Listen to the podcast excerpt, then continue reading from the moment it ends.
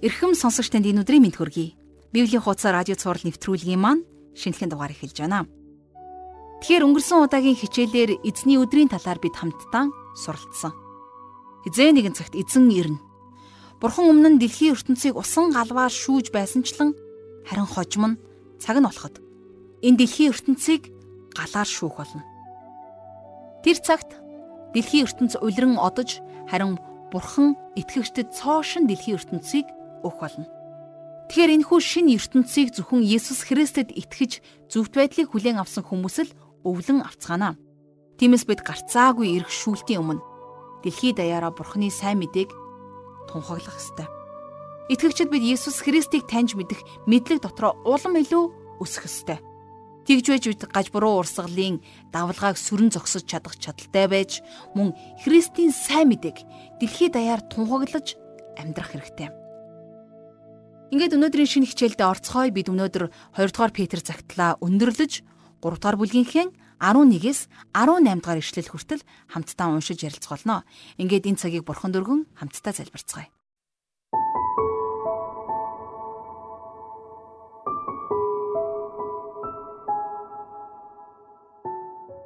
Хайртай их эзэн минь таньдаа талархаж байна.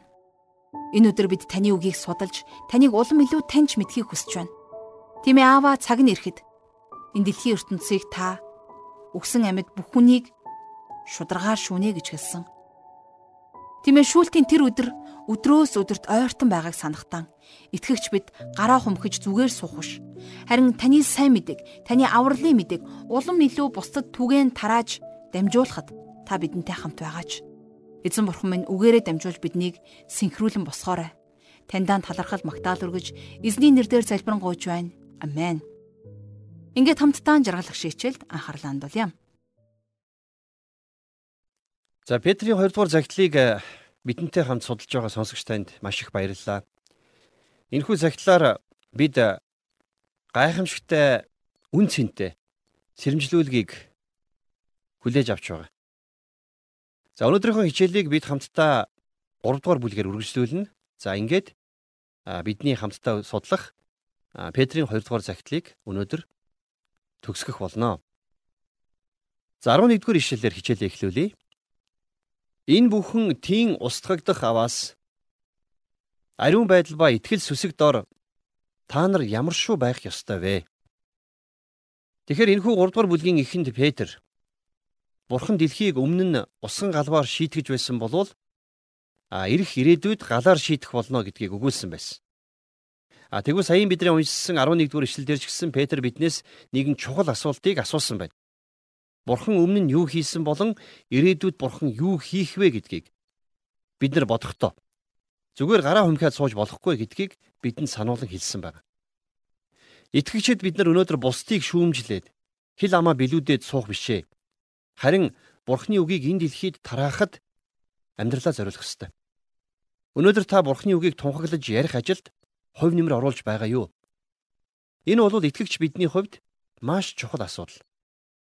Энэ асуудлыг бид нар зөвхөн итгэгч гэлтгүй пастор ахлагч нараас сүм чуулгануудаас асуух ёстой. Бид нар Бурхны үгийг энэ дэлхийд даяар түгээхийн тулд яг юу хийж байна вэ? Би энэ онцгой үйлчлэлд хувь нэмрээ оруулж байна уу үгүй юу гэж бид нар өөрсдөөсөө асуух ёстой.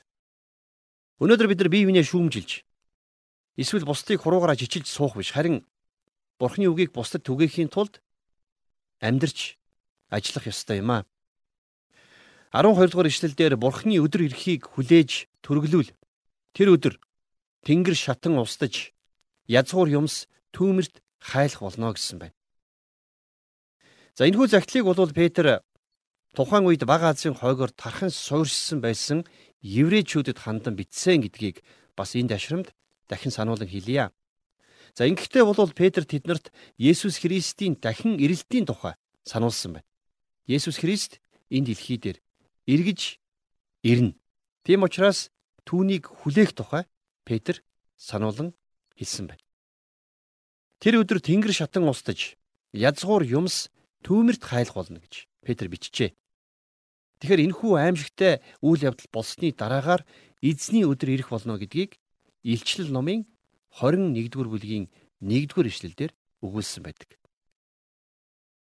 За Петр энд хэлэхдээ язгуур юмс хайлах болно гэж хэлсэн.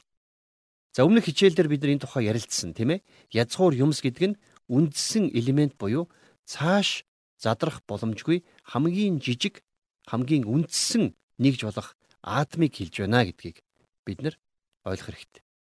Өөрөөр хэлэх юм бол тэр цаг ирэхэд энэ дэлхийн бүх зүйлсийг бүрдүүлж байдаг үндсэн элемент болон атомууд нь хайлах болно гэдгийг Петр хэлсэн. За сонирхолтой нь энд гарч байгаа хайлах гэдэг грек үг нь бидний өмнөх хичээлээр үздсэн 10 дугаар ишлэлдэр гарч байгаа хайлах гэдэг грек үгнээс өөр текомай гэсэн үг гэдэг. Текомай. За энэ нь хэлбэр дүрсээ алдах гэсэн утгатай.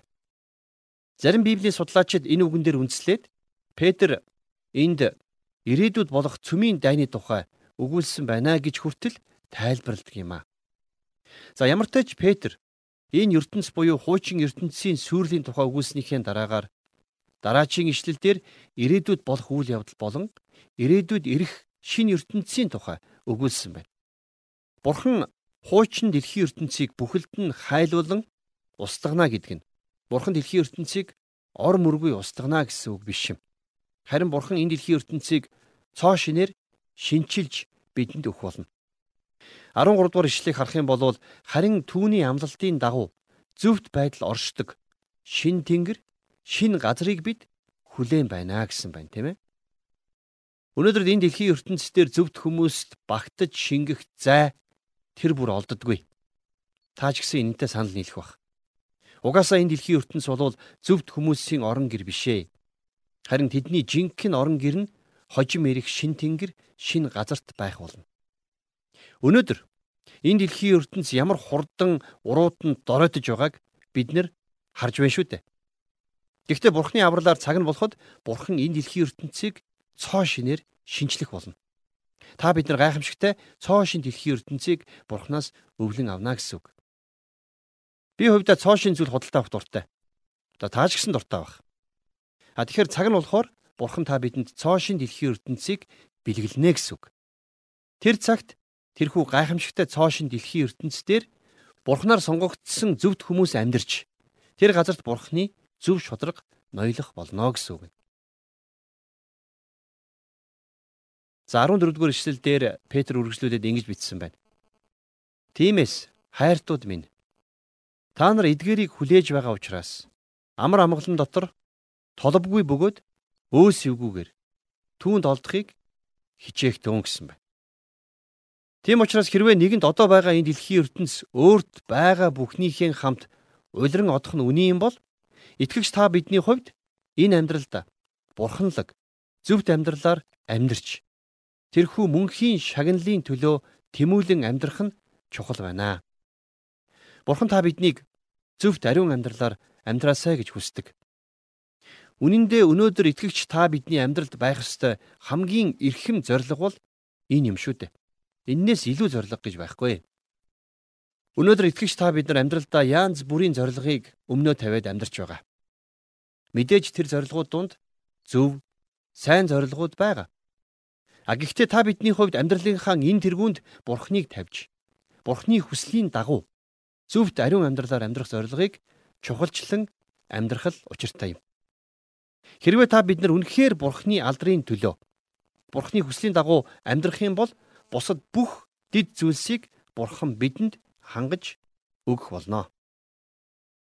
За Петр үргэлжлүүлээд 15 дугаар ишлэлдэр хайр дах Паул маань өгөгдсөн мэрэгэн ухааныхаа дагуу та нарт бичсэнчлэн бидний эзний төвчээрийг аврал гэж тооцоорой гэж бичсэн байна. Эзний төвчээрийг аврал гэж тооц гэж бичсэн байна, тийм ээ? Бурхны дахин ирэлт хараахан болоогүй байгаа нь Өнөөдөр авралыг авч амжаагүй байгаа хүмүүсийн хувьд бол маш том боломжоо гэж ойлгох хэрэгтэй. Өнөөдөр Бурхан бүх хүн төрлөختөнд боломжийг олгосоор байгаа. Бурханд итгэдэггүй хүмүүст авралыг авах боломжийг олгосоор байна гэсэн үг. Итгэгч та бидэнд бол сайн мэдээг ярих, тунхаглах боломжийг олгосоор байна гэсэн үг. Тийм учраас бид нэр Есүс Христийн дахин ирэлтийг хүлээхдээ дараа хумхиад суух биш харин ч энэ боломжийг ашиглан идэвхтэйгээр сайн мэдээг бусдад хэлж өгөх учиртай. Ингээд цаг нь болоход Есүс Христ энэ дэлхийд дахин залран ирж бүх хүмүүсийг шударгаар шүүх болно. Энэ бол шин гэрэний хамгийн чухал тунхаглал. Энийг Паул ч гэсэн бас хэлж байсан юм а гэдгийг Петр сануулсан бичжээ. 16 дугаар ишлэлдэр тэрчлэн түүний бүх захидалд эдгэрийн талаар бичсэн юм. Захидлуудад нь ойлгоход хэцүү зарим зүйл байдаг бөгөөд юу ч мэдэхгүй туйлбаргүйчүүд бичвэрийн бусад зүйлсийг говьулдаг шигэ тэдгэрийг ч мушгин говьулж өөрсдийгөө сүрүүлдэгэ гэж Петр бичсэн байна. Тэгэхээр Паулийн бичсэн үг ч гэсэн бас Бурхны үг мөн гэдгийг Петр энд хүлээн зөвшөөрч бичсэн байгаа. А ингэхдээ Паул зүгээр нэг ойр зүрийн зүйлийг бичээгүй харин ч бүр гүн гүнзгий зүйлийг бичсэн гэдгийг Петр нотлон хэлсэн байна. А гэхдээ зөвхөн Паул гэлтгүү. Петр ч гэсэн бас өөрийнхөө загталтаа Бурхны гайхамшигтай үннүүдийг Бурхны гүн гүнзгий сүнслэг нууцуудыг илчлэн бичсэн байгааг бид бас харж байна. 17 дугаар ишлэл дээр Тиймээс хайртууд минь ээ та нар үүнийг урдаас мэдж өөрсдийгөө сэргийл. Эс тэгвэл та нар ёс зарчимгүйчүүдийн төөрөгдөлд автаж тогтвортой байдлаа алдчих вэ. Итгэж та бидний хувьд зарим нэгэн чухал зүйлсийг үргэлж санаж явах учиртай. Юу вэ гэвэл бид нар Бурхны үгийг сурч судлахдаа залхуу хойрог байж болохгүй. Бурхны үг та бидний амьдралыг өөрчилдөг хэдхэн хоногийн сургалт семинар, хэдхэн хоногийн арга хэмжээ хөтөлбөрт хамрагдчихад та бидний амьдрал өөрчлөгдөнө гэж бодож байгаа бол том эндүүрэл шүү. Харин бид нар Бурхны үгийг бүхэлд нь нягт нямбай хичээнгүйлэн судалж байж тэр үгээр дамжуулан бидний амьдрал өөрчлөгдөнө. А ингэхдээ бид нар Бурхны үгийг эн тэндээс нь өм цөм судлах биш. Харин бүхэлд нь нийтээр нь уншиж судлах нь чухал. Петр энд та нар үүнийг урдаас мэдж өөрсдийгөө сэргийл. Эсвэл та нар ёс зарчимгүйчүүдийн төөрөгдөлд автаж тогтвортой байдлаа алдчих вэ гэж сэрэмжлүүлсэн байгаа биз? Хэрвээ та Библийн талаар өргөн хүрээний ойлголттой байгаад тэрнийг амьдралдаа хэрэгжүүлдэг байх юм бол тэр цагт та энд өгүүлсэнчлэн тогтвортой итгэгч байж чадна гэсэн үг. Тэгэхээр бид нар энэхүү загтлын ихэнд үздсэн тийм ээ. Петр энэхүү загталтаа мэдлэг гэдэг үгийг онцолсон байдаг. Тэгвэл Бурхныг мэдэх мэдлэгт уриалсан Петрийн энэхүү загтлын хамгийн сүүлчийн буюу 18 дугаар эшлэлдэр Петрийн уриалгын оргил хэсэг бичигдсэн байна. 18 дугаар эшлэлдэр харин бидний эзэн бөгөөд аврагч Есүс Христийн нэгүүлсэл болон мэдлэг дотор өсөгтөн. Идүгэ болон мөнхийн өдөр аль алинд нь түүнд алдар байх болтугай. Амен гэж Петр энэхүү загтлаа жаргаажээ.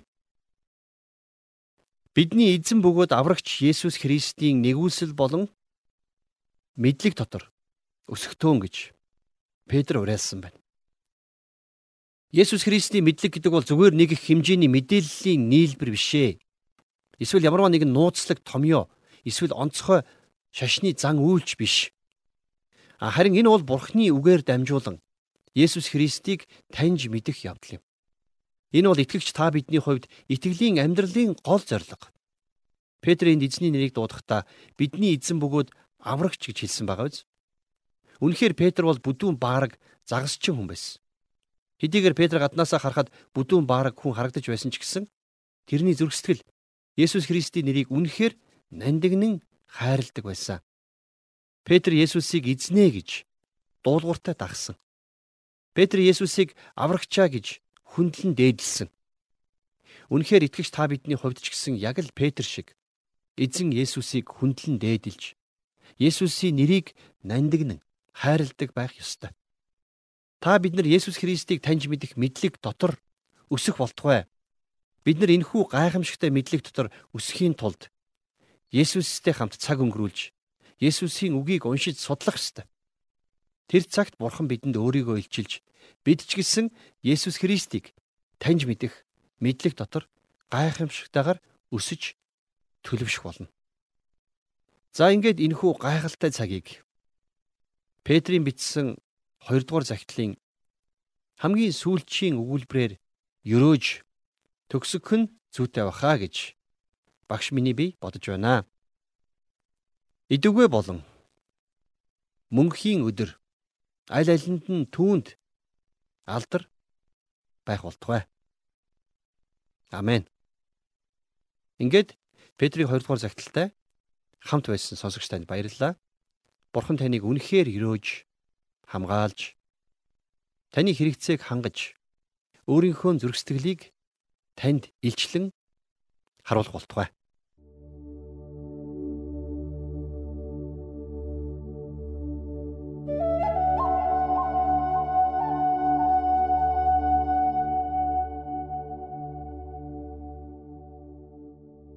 Энэхүү цувралаар үтсэн бидний 20 дугаар Петр цагтал энэ хүрээд өндөрлөх гэж байна.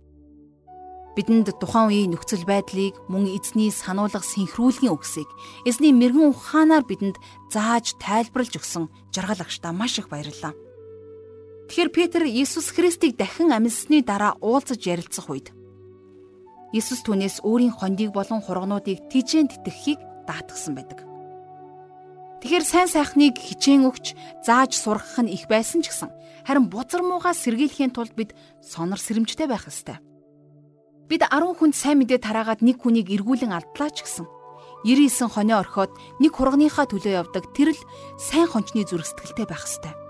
Иргэн тойрондоо байгаа өөртөө хамаарах хүмүүст хончны тэрэл зүрх сэтгэлээр анхаарал халамж тавиасаа гэж хөтлөгч миний зүгээс уриалж байна. Энэхүү уриалгаар өнөөдрийн хичээл маань өндөрлөж байна. Петр өөрийн замыг ямар гайхамшигтайгаар дуусгасныг санаж эзэнд талархал магтаал өргөн залбирцгаая.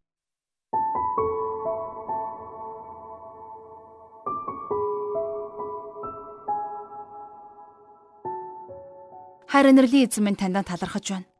Тийм ээ эзэн бөгөөд бидний аврагч болох Иесус Христийг бидний өмнө илгээж биднийг мөнхийн сүрлээс аварсан. Таны шудраг шүүлтийн уур хилэнгээс аварсан таньдаан чин сэтгэлээсээ талархал магтаалыг өргөн залбирч байна. Та бидний дотор таны үгийг хайрлах, Иесус Христийг таньж мэдэх тэр гал халуун хүсэл эрмэлзлийг бадрааж өгөөч. Бид өдөр бүр таны үгтэй ойр байж, таны үгээр улам илүү тэнхээжин босоход, таны үгээр удирдагдан амьдрахад та туслаарай. Бидний алхам бүрийг өөрийн ариун сүнсээрээ удирдаарай. Иесус Христийг дахин ирэх тэр өдрийг хүртэл, тэр сүр жавхлантай өдрийг хүртэл биднийг итгэлээрээ бат зогсоход та тусалж өгөөрэй. Бүхнээ танд өргөж, эзэн Есүсийн нэрээр залбирanгуйж байна. Амен.